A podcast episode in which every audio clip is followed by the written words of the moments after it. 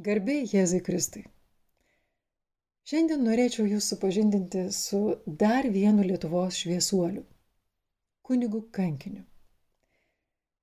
Prisipažinsiu, kuo daugiau nagrinėjau jo trumpą gyvenimo kelią ir didžiulius nuveiktus darbus, tuo labiau jie mane stebina, žavi ir įkvepia.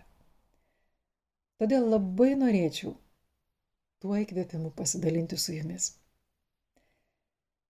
Jei šiandien mūsų paklaustų, ar žinome, kas buvo pirmasis bažnyčios kankinys, turbūt ilgai nedvėjoja atsakytume, jog tai šventasis Stepanas. Tačiau turbūt tik nedaugelis galėtume atsakyti į klausimą, kuo vardu buvo pirmasis 1940-aisiais komunistų areštuotas Lietuvos katalikų kunigas, be kalties suimtas ir nukankintas sovietiniuose kalėjimuose. Stanislavas Pijus Rimkus. Kražių švenčiausios mergelės Marijos nekaltojo prasidėjimo bažnyčios vikaras. Dažnai vadinamas tiesiog kražių vikaru, jis gyveno vos 30 metų ir iš jų tik ketverius metus kunigavo. Kunigas, kuris svajojo tapti kankiniu ir visą savo gyvenimą paukoti vardant tikėjimo skleidimo ir katalikų bažnyčios stiprinimo. Kražiškių prisiminimuose ilgam išliko neišdildomi įspūdžiai apie stebinančią kunigo Rimkaus veiklą ir nuostabius jos rezultatus, vos per ketverius metus, ko ne visus parapiečius atvedusius į dvasinį atgimimą. Tikiu, kad ir šis pasakojimas taps įkvepiančių pavyzdžių, kuris uždegs gyventi ir vargti ne tik savo, bet visiems, kurie ieško tiesos. Būtent šias eilutes kunigas Stanislavas Pijus Rimkus pasirinko kaip savo primicijų devizą. Būsimasis kražių vikaras gimė 1912 metais sausio 15 dieną Kvėdarnos parapijoje Pašlinio vienkėmėje. Buvo jauniausias penkių vaikų šeimoje. Anksti neteko tėvo, bet turėjo maldingos ir kilnios sielos motiną, kuri, nors ir gyvendama sunkiomis sąlygomis, leido vaikus į mokslą. Kunigo sesuo Kristina prisimena, kad brolių dar negimus, mama jau meldė Dievo, kad jai duotų berniuką, kurį jau tada Dievui paukojo ir pasiryžo išleisti į kunigus. Buvo tikrai nelengva, todėl į pagalbą stojo motinos brolis, kunigas Antanas Kungys, tuo metu klebonavęs Truskavoje. Jis pažadėjo remti sesers vaikus siekiančius mokslo. Pirmoji mokykla, Kvėdarnos pradinė, nuo namų buvo už 12 km. Taigi, tris savo vaikus, Stasiuką, Antaną ir Kristiną, mama išvežė į Kvėdarną mokytis ir kartu nuvežė ošką, kad vaikams pakaktų pieno.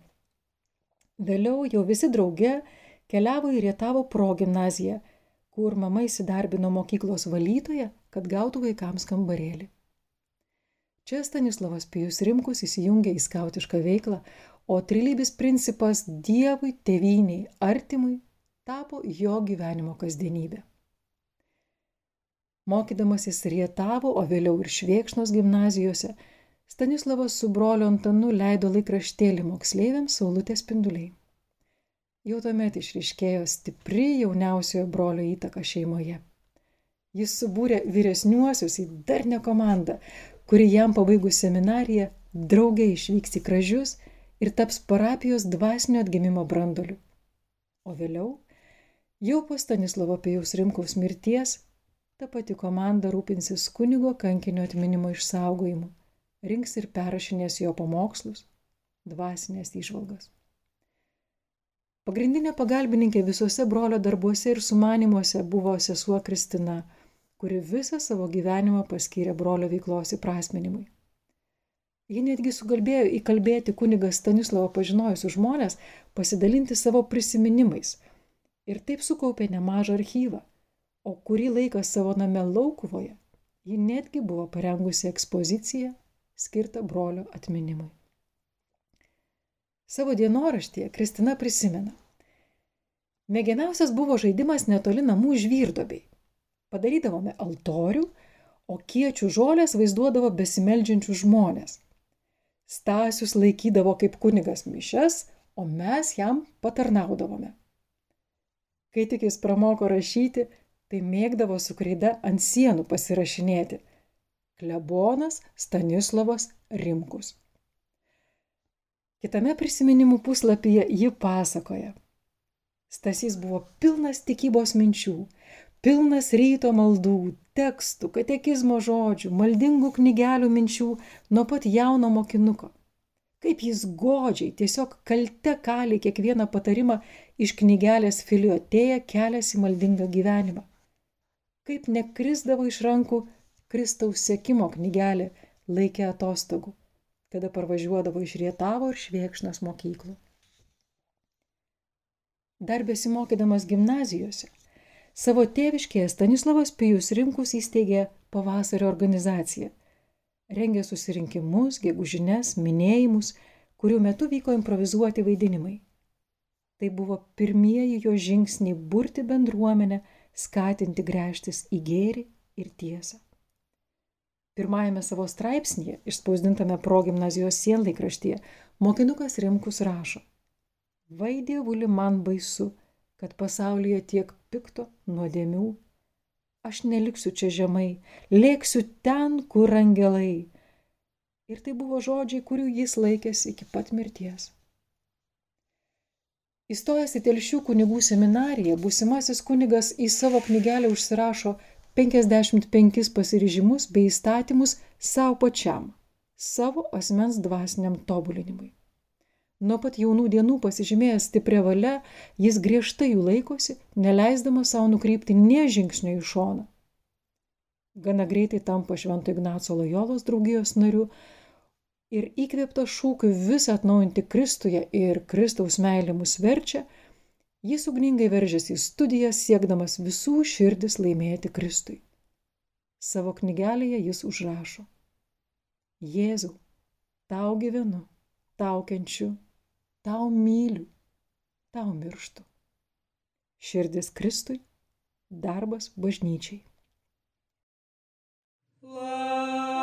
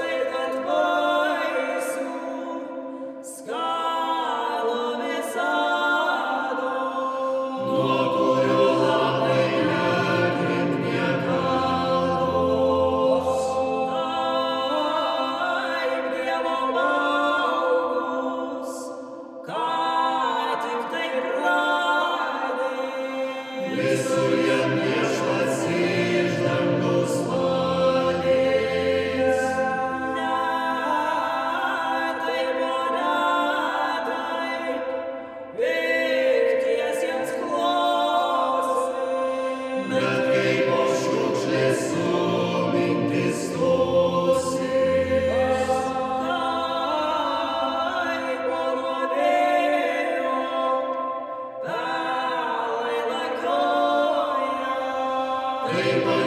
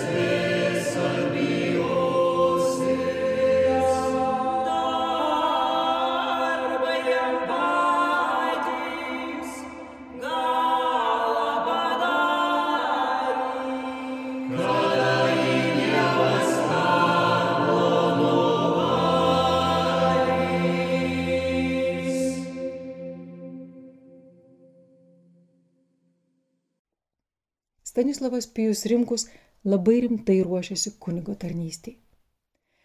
Dar besimokydamas gimnazijoje, jis kaip įstengdamas racionaliau panaudodavo laisvas valandas, aktyviai dalyvaudamas įvairiausių organizacijų veikloje, rinkdamas medžiagą iš knygų, laikraščių, darydamas jų iškarpas, klasifikuodamas jas pagal temas ir taip kaupdamas medžiagą būsimam kunigo darbui. Metus praleistus seminarijoje jis dar intensyviau kaupia mintis, sudarinėja planus ir labai kryptingai brėžia savo tarnystės gairias. Šių didelių pastangų nuostabus vaisius buvo jauno 24 metų sulaukusio kunigo Stanislavo Pijaus Rimkaus primicijos 1936 m. birželio 21 d.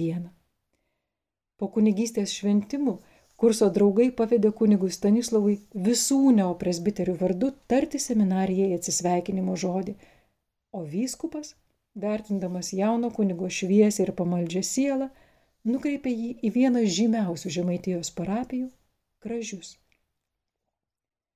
Praeitie skleidusių šviesą visai žemaičių žemiai, tuo metu Kražių šlavė jau buvo beblėstanti. Krikščioniškasis gyvenimas čia vos ruseno. Štai todėl buvo reikalingas apaštalas, kuris švento gyvenimo pavyzdžių ir su mane veikla paskatintų Kražių atgimimą. Tokio paštalo savybėmis apvaizda buvo apdovanojusi kuniga Stanislava.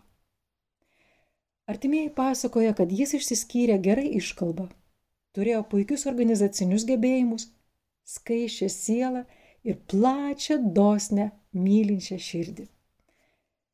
Kražiškiai prisimena, kad Rimkus buvęs šviesaus veido, turėjo labai gražų balsą, puikiai sakydavo pamokslus, neilgus, ugningus, dažnai pargriaudamas visą bažnyčią ant kelių. Labiausiai parapiečių žavėjo vulkaninė kunigo energija, jo neblėstantis užsidegimas, linksmumas, nuoširdus paprastumas ir betarpiškumas. Ką be dirbtų, ką be organizuotų, Rimkus visada būdavo labai atkaklus, ištvermingas, tvirtas ir nepailstantis. Gražių gyvenime jis padarė tiesiog revoliucinį perversmą. Renginys vėjo renginį, programa programą, šventė šventė. Visoje kunigo Stanislavo Rimkaus veikloje pastebimas išvalgumas, racionalus praktiškumas, principingumas ir sistemingumas. Visa, kas buvo girdėta, skaityta, studijuota, visos gražios ir naudingos mintis vėliau buvo įgyvendintos praktikoje, panaudotos kunigo tarnystėje ir atspindėtos kražiškiams sakytuose pamoksluose. Būtent pamokslams jis skyrė labai didelį dėmesį, stengiasi parinkti tinkamus pavyzdžius, ieškojo paprastų žmonių sąmonę pasiekiančių žodžių. Paklausykite vis dar aktualiai skambančio kadaise kunigo Stanislavo Rimkaus sakyto pamokslo ištraukos. Šis amžius - tai kovų, didelio judėjimo, gyvumo amžius. Vieni žmonės iš didelio nevagudrumo ieško naujų dievų, kovoja prieš sutvėrėją, antri net pačiam velniui lenkiasi, jį garbina, jam gėda giesmės, tretieji ieško laimės patogumuose, pasiduodami visiškam savo kūno gašlumui, girtokliauja, paleistuvauja, tačiau visos tos žmonių rūšys ieško laimės. Bet kodėl jie nesupranta, kad tikroji vienintelė laimė tėra randama Dievuje, kad tikrosios, aukščiausios, pagrindinės šio gyvenimo tiesos tėra randamos tik krikščionių katalikų tikėjime. O todėl, kad šių laikų perkūnas, tai yra bolševizmas ir kapitalizmas, ekonominė krizė, plėšė nuo Dievo ir artimo meilės ir pritrenkė prie žemės purvų. Vyrai, ar aš po kelmų neprisišauksiu jūsų krikščioniškai dorai katalikų akcijai? argi aš prie jūsų neprisibelsiu? Jei man, bažnyčiai, Kristų netikite, tai jų sienos. Tu žemę prabilk, pasakyk jiems, primink jiems mano maldavimus, mano prašymus, mano žodžius. Lietuva šala tikėjime, ledėja dorovėje, tauta laukia narsių didvirių. Kristus kėlės, kelk ir tu, kelk nauju rikiuokis, žygiuok į kryžiaus žygį, kuriam pats Kristus vadovauja. Ne į plieno kardo kovą, bet į meilės kovą. Dirbti dėl bažnyčios. Jaunas kunigas tik baigė seminariją ir šitiek daug įvairiapusės veiklos. Savo pavyzdžių, gyvų žodžių ir spauda kunigas Stanislavas Rimkus kražiuose siekė savo tikslų įgyvendinimo, o jo veiklos dėmesio centre buvo parapijos atgimimas. Jis nedėjavo dėl nedidelio žmonių lankančių bažnyčią skaičiaus. Uoliai lankydamas parapiečius, jis pirmiausia siekė suburti bendruomenę, o parapiečių paprotį eiti iš pažinties ir šventosios komunijos kartą per metus pakeisti kas mėnesinės iš pažinties ir šventosios komunijos prieimimo praktiką. Dabar mano darbo tik pradžia, pasakojo jis broliui Antanui. Pirma reikia parapijos dirvonus išplėšti, o tik paskui akėti ir švelnesnę pamaldumo sėklą sėti. Dabar turiu prasivalyti atmosferą, suburti žmonės savo žinion, visus sujungti į draugijas, stiprinti jas, o vėliau per jas nešti šventumą ir Euharistijos meilę. O Euharistiją jis ypač mylėjo. Dar daugiau, Euharistiją laikė pagrindiniu tikinčiojo gyvenimo dinamitu. Todėl visame kame siekdamas tvarkos, vikaras kražiuose paskyrė dienas, kada ir kokia parapiečių grupė turi eiti priimti šį sakramentą. Pirmasis mėnesio sekmadienis - vyrai, antrasis sekmadienis - vaikai, trečiasis - merginos, ketvirtasis - moteris. Ano meto mokinė prisimena, kad vaikų sekmadienis prasidėdavo 9 val. mišiomis ir pamokslu. Mišių metu vaikai, susirikiavę bažnyčios viduje, garsiai melsdavosi ir gėdodavo, o po pamaldų dalyvaudavo susirinkimuose, kurių metu buvo skaitomos paskaitėlės, rodoma meninė programa, žaidžiami žaidimai. Šventoji komunija visuomet pirmiausia būdavo dalyjama tiems, kam priklausė sekmadienis. Priemusioji greta persiskirdavo, du sukdavo į dešinę, du į kairę ir klaupdavosi kolonos gale. Ne, tai nebuvo kažkokia kareiviška kunigo išmonė. Ši tvarka ugdė drausmę, pareigingumą, dėmesingumą vienas kitam ir bendruomeniškumą. Kunigas Rimkus siekė, kad dalyvavimas šventose mišiuose būtų sąmoningas, žmonėms suprantamas. Jau tada jis jautė, kad liturgijai būtina gimtoji kalba – užsakydavo ir platindavo mažyčius kiekvienam sekmadieniui skirtus mišiolėlius, kuriuose šalia lotyniško teksto būdavo ir lietuviškas vertimas. Kunigas ragindavo žmonės melstis iš jų drauge su juo lietuviškai. Jo vedamos rekolekcijos buvo ne vien pamokslų ciklai, bet ištisas sąrašas iš sakyklos diktuojamų kataliko pareigų ir būtinų praktiškų pasiryžimų. Pirmiausia, būti skaiščiam ir vykdyti Dievo ir bažnyčios įsakymus. Antra, šeimoje praktikuoti bendrą maldą ir dvasinį skaitimą. Trečia, daugiau skaityti gerų knygų. Ketvirta, ne vieno sekmadienio be šventųjų mišių, ne vieno mėnesio be išpažinties ir komunijos. Penkta, atsisakyti alkoholinių gėrimų. Šešta, paukoti savo šeimą švenčiausiai Jėzaus širdžiai. Septinta. Gėdoti bažnyčioje ir namuose. Aštunta. Globoti mažuosius ir vargšus. Devinta. Katalikiškai sveikintis. Dešimta. Statyti ir puošti kryžius sodybose ir pakelėse. Tačiau vien tik bažnytinė veikla Stanislavas Pijus Rimkus neapsiribojo.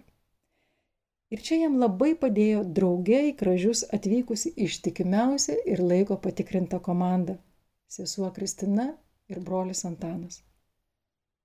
Pats liepsnodamas Kristaus meilę, kunigas Stanislavas tengiasi jau uždegti visų jam prieinamų žmonių širdis. Jo brolis rašo, jam buvo maža surinkti po Dievo ir tėvynės vėliavą tik dalį žmonių. Jis skverbėsi į parapijos nuošalės, ieškojo ryšių su labiausiai kritusiais, vadinamaisiais zimagorais. Rengė jiems specialias gegužines, o sesuo Kristina buvo įpareigota vaišinti juos bandelėmis ir gira. Pagaliau kunigas Stanislavas atsivedė juos į bažnyčią. Į krikščionių darbininkų sąjungą jis subūrė visas kražių miestelio padugnes ir sėkmingai buvo pradėjęs jiems vadovauti. Galiausiai išprašęs iš klebono seną namą, jį rekonstravo ir čia įsteigė pavasarininkų ramovę. Vienas iš pirmųjų joje įsikūrė kražių skirdinių muziejus, įprasminęs vos prieš penkias dešimtis metų miestelėje praūžusius įvykius. Juo labiau, kad tuo metu dar buvo gyvi liudininkai, visus baisumus matę savomis akimis. Ramovėje buvo atidaryta biblioteka, arbatinė bufeta su nealkoholiniais gėrimais, jie rūpinosi Kristina Rimkutė vikaro sesuo, ir erdvi 300 vietų salė, kurioje dažnai vykdavo susirinkimai ir meninės saviveiklos pasirodymai. O meninės veiklos tuo metu kražiuose buvo itin gausu. Grodavo savi skudutininkų ir styginių instrumentų orkestrai. Paties kunigo suburtas pučiamųjų orkestras. Veikė šokių ratelis, aktorių teatras – Per ketverius Rimkaus kunigavimo metus kražiuose buvo pastatyti net septyni spektakliai. Prie kražantės įrengta inventoriumi aprūpinta sporto aikštė, pritraukusi daug jaunimo ir vaikų. Krikščioniškojų organizacijų padedamas, Rimkus organizuodavo išvykas su programomis į tolimesnius miestus. Vykdavo į iškilas, gegužinės gamtoje. Kražiuose veikia net keliolika katalikiškų organizacijų, į kurių veiklą buvo įtraukta visa parapija. Ne vienai organizacijai pats vikaras ir vadovavo. Su pavasarininkais ir šauliais jis organizuodavo kongresėlius, kuriuos lydėdavo gyvėjai paveikslai ir teatralizuotos eisenos. Šiuose iškilmėse dažnai dalyvaudavo žinomi tarpukario visuomenės veikėjai. Profesorius Juozas Eretas, generolas Tasys Raštikis, ar tautos linksmintojas, radio laidų vedėjas, smagių kupletų kuriejas ir atlikėjas Petras Biržys, visiems žinomas kaip Pupų dėdė. Rimkaus iniciatyva buvo pradėtas leisti vietos laikraštis Kražių aidai, kuriame buvo skelbiami ir ganytojiški paties kunigo straipsniai, ugdantis parapiečių patriotiškumą, tėvynės meilę, krikščioniškai dvasingumą o rudenį ir žiemą kražiuose veikė Liaudės universitetas. Universiteto rektoriumi buvo pats Stanislavas Rimkus, o lektoriai, maždaug 18 asmenų, įvairių profesijų inteligentai, vietiniai ir iš kitur pakviesti mokytojai, gydytojai, kunigai, agronomai, studentai ir kitų profesijų atstovai. Užsiemimai vykdavo šeštadienį vakarais po 2-3 valandas, o 300 vietų salė būdavo perpildyta klausytojų. Tradiciškai paskaitos baigdavosi meninė programa. Tačiau didžiausios jaunojo vikaro viltis buvo nukreiptos į jaunąją kartą. Ir tai suprantama, nes jie turėjo būti tas pamatas, ant kurio kunigas Rimkus norėjo statyti savo šventų svajonių rūmą - giliai tikinčią buvusių bažnyčios gynėjų kankinių palikonių parapiją. Viskam jis rasdavo laiko, visur spėdavo, tik niekas nežinojo, kiek valandų tekdavo miegui ar asmeniniams reikmėms. Jo mokiniams visam gyvenimui įstrigo mokykloje gautos tikybos pamokos, kuomet jaunasis vikaras, nesitenkindamas vien pasakojimu, vesdavo vaikus į bažnyčią ir praktiškai viską rodydavo. Vaikai suklaupdavo presbiterijoje ir iš šono stebėdavo, kaip klebonas iš lėto aukodavo šventasias mišes, o tikybos dėstytojas pasakodavo apie kiekvieną mišių akimirką. Dar ilgai kražiškiai su didelė meilė prisiminė, kokios būdavo šviesios dienos vaikams, kai vikaras Stanislavas dviračiu atvažiuodavo į tikybos pamokas. Tuo jie apsupdavo džiugojančių kaimo vaikų pulkas – Angelaičiai kilkim, būdavo su šunkai įsiveržęs, kaip pavasario vėjas parapijos salėm kunigas Stanislavas Rimkus pas nekantriai jo laukiančius vaikus. Vis aukštyn aukštyn, šaute atšaudavo nušvitusiais veidukais vaikai. Ir geras smagu pasidarydavo. kunigas įneždavo kažkokį džiugų šventą dvelgsmą, tą amor kristi. Jautėme, supratome ir atsakydavome taip pat meilę ir prisirišimu. Net po šešiasdešimties metų, jau garbaus amžiaus sulaukę, jo buvę angeliukai susitikę vis tebeminime anų nepamirštamų laikų šviesulį - kuniga Rimku. Taip pasakoja viena iš jo buvusių mokinių. Pone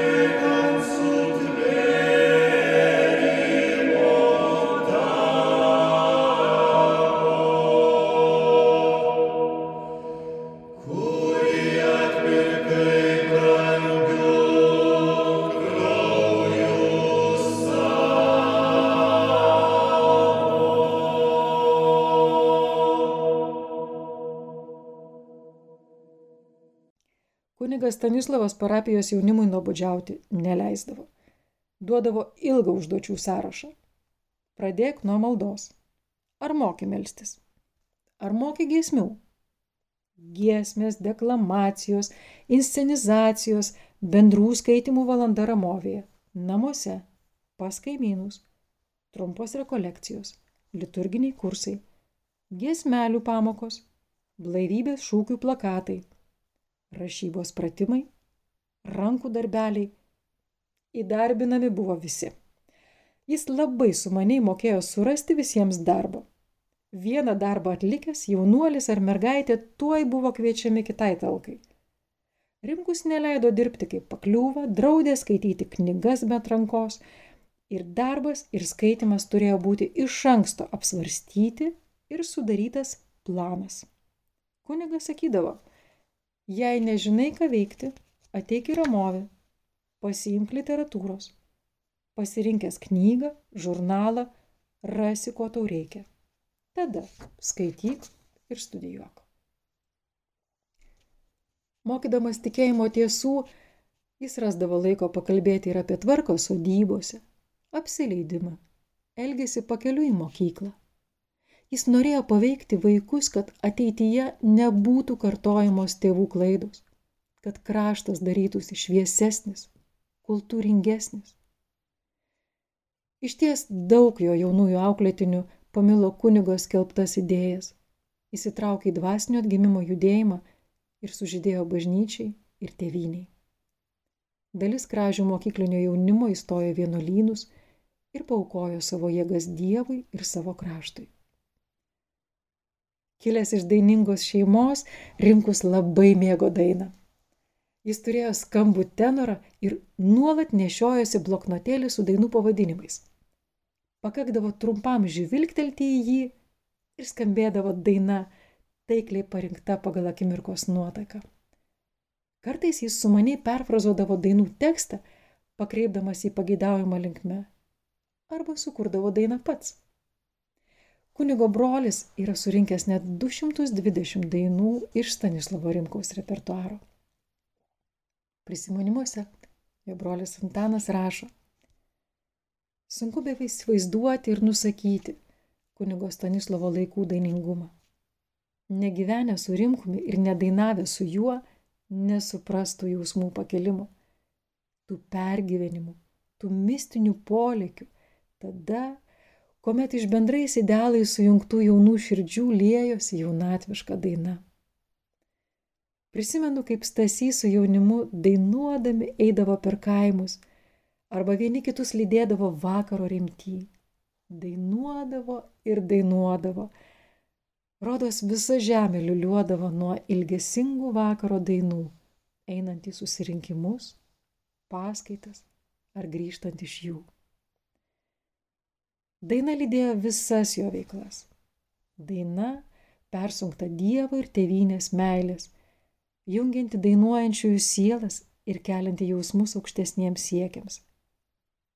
Kunigas Stanislavas suprato, kad bendra giesmė ir malda suartina žmonės, ištirpdo susvetimėjimą. Todėl ir stengiasi pratinti parapiečius bendrai melstis ir gėdoti. Daina tapo ir jo paties lemties pranašu. Jau Lietuvai netekus nepriklausomybės, Rimkus užrašo savo dainos tekstą. Sudiev sesutės lietuvaitės, sudiev darželių žolinai, sudiev ir kražių pašalėliai. Aš išvažiuoju amžinai. 40 metų Lietuvos tragediją kunigas Stanislavas Rimkus išgyveno labai skaudžiai. Kražiškiai pasakojo matę kunigą Stanislavą paprastą dieną, nepamaldų metu, bažnyčioje klupojusi prie altorius ir labai verkusi. Bet dvasiais nepalūžo. Netikrumo, baimės, pirmosios pažinties su okupantais dienomis Susirūpinusiems talkininkams, klaususiems, ką daryti tokiamis aplinkybėmis, jis sakė, veiksime kaip veikia. Tik žinoma, ši veikla dabar jau turėjo būti slapta. Kunigas Stanislavas Rimkus nuo pat pirmųjų okupacijos dienų buvo atidžiai sekamas, stebimas kiekvienas jo žingsnis. Jau pirmasis po birželio įvykių jo būtė įvykęs aktyviųjų pavasarininkų vadovų pasitarimas neliko nepastebėtas. Į Rimkaus bylą nugulė ir slaptų susirinkimų pavadinta choristų repeticija prieš atlaidus, kurioje dalyvavęs vikaras paragino būti arčiau Eucharistijos ir pacitavo iš knygos Stalino žodžius, kad kovojant su religija reikia neginkluotos kovos, o pamažu jas spausti ir sunaikinti. Atėjo 1940-ųjų priverstinio balsavimo diena. Kiekvieno balsuojančiojo pase dedamas anspaudas. Liaudės Seimui balsavo. Kas nedalyvavo rinkimų imitacijoje, kieno pasas liko be anspaudo, tas pateko į liaudės priešų sąrašus. Tarp nebalsavusiųjų buvo ir kunigo Rimkaus pavardė. Netrukus po rinkimų 1940 m. rūpjūčio 6 Kristaus atsimainimo ant taboro kalno dieną vikaras Stanislavas Pijus Rimkus buvo suimtas ir uždarytas Raseinių kalėjime. Visiems tada buvo nesuvokiama, kaip kunigas artimai bendravęs su parapiečiais, skatinęs juos dvasiškai tobulėti ir ieškoti tiesos, staiga tapo liaudės priešų. Be abejo, suimta kuniga buvo mėginta gelbėti. Žmonės pasirašinėjo ištisom šeimom, niekas prašomas neatsisakydavo. Taip mylėjo savo vikarą. Buvo surinkta arti tūkstančio parašų. Visa parapija pergyveno, visi rūpinosi, Tik niekam į galvą netėjo, kad juo daugiau parašų, tuo didesnis liaudės priešas darėsi suimtasis kunigas. Parapijos apraudotas, jis negryžo nei vokiečių okupacijos metais, nei karui pasibaigus, nei Hruščiovo atlydyje. Apie kunigo žūtį sklandė įvairių gandų ir tik Lietuvai atkūrus nepriklausomybę artimiesiems pavyko susipažinti su Stanislovo Pijaus Rimkaus byla skaitome tardytojo kaltinimą. Kas kovoja prieš ateizmą, tas kovoja ir prieš komunizmą. Rimkui suimti pakako trijų liudininkų parodymų. Vos 28 metų sulaukęs kunigas ir kalėjime pasižymėjo ypatingų maldingumų. Draugė su juo raseiniuose kalėję likimo broliai pasakojo, kad jis nuolat meldėsi – iš duonos minkštimo nusilipdytų rožinių, o ant kameros sienų buvo išsibraižęs kryžiaus kelio stotis. Puikiai suvokdamas, jog ir pats eina savo kankinystės Golgotos link. Po dešimties mėnesių arešto, jau prasidėjus karui, 1941 m. birželio 22 ankstyvą rytą dviem uždarais sunkvežimiais rimkus su kitais 44 raseinių kaliniais buvo išvežtas į Panevežio geležinkelio stotį ir įgrūstas į vagoną. Tuomet iš Panevežio per Daugpilį visus išvežė į Oremburgo sritį, Sol Ilecko kalėjimą. Kelionėje Rimkus visus drąsino, sakydamas, kad jie tėviniai nieko nenusikaltė ir jeigu tektų žūti, tai jų mirtis nebūsianti betikslė. Kartu važiavusieji pasakoja, kad tik vėliau, kai kunigas Stanislavą Rimku krūviną nugarą teko iškelti iš vagono, nes pats išlipti nebepajėgė, jie suprato, kad visą kelią jis sėdėjo prispaustas prie varšto, pradūrusio gilę žaizdą nugaroje. Tačiau net ir kesdamas didelius skausmus, užuot skundėsis, jis rado jėgų drąsinti ir guosti nelaimės draugus. Orenburgė kunigas Stanislavas Pijus Rimkus buvo nuteistas už veiklą su kontrrevoliucinėmis pavasario ir tretininkų organizacijomis dešimčiai metų kalėjimo ir penkeriems metams tremties. Ieškodamas tiesos, jis dar rašė apeliacinį skundą ir aiškino, kas buvo pavasarininkai ir tretininkai, prašė pridėti prie bylos visų apklaustųjų parodymus ir priminė, kad jo kilmė ne iš buožių, kaip rašoma kaltinimuose. Tačiau kitas teismo posėdis jį nuteisė aukščiausią bausmę - sušaudyti. Nuosprendis buvo įvykdytas 1942 m. gegužės 20 d. Rusijoje Petropavlovsko kalėjime. Tesulaukęs vos 30 metų amžiaus ir tik ketverius metus kunigavęs, Stanislavas Pijus Rimkus yra Lietuvos kankinių martirologijos sąraše. Lietuvos gyventojų genocido ir rezistencijos tyrimo centro pasipriešinimo dalyvių teisų komisijos nutarimu jis pripažintas laisvės kovų dalyviu. 2006 birželio 7 dieną Lietuvos Respublikos prezidentas Valdas Adamkus Stanislavą Pijų Rimkų apdovanojo Vyčio kryžiaus ordinu, įteiktų po mirties. Ir 2022 gegužės 21 Kražių švenčiausios mergelės Marijos nekaltojo prasidėjimo bažnyčioje jo ekscelencija Šiaulių vyskupas Eugenijus Bartulis paskelbė buvusio Kražių parapijos vikaro kunigo Stanislavo Pijaus Rimkaus beatifikacijos proceso pradžią. Kunigo sesuo Kristina Rimkutė visą gyvenimą paskyrusi brolio atminimo puoselėjimui iki paskutiniųjų savo dienų tikėjo, kad Stanislavo Pijaus Rimkaus darbai nebus pamiršti ir taps įkvėpimu ir palaiminimu daugeliui. Todėl, baigdama laidą, kviečiu ne tik semtis stiprybės ir įkvėpimo iš šio jauno kunigo kankinio gyvenimo, bet ir prašyti jo užtarimo. Esu tikra, kad šiandien jis gali padėti visiems, kurie ieško tiesos.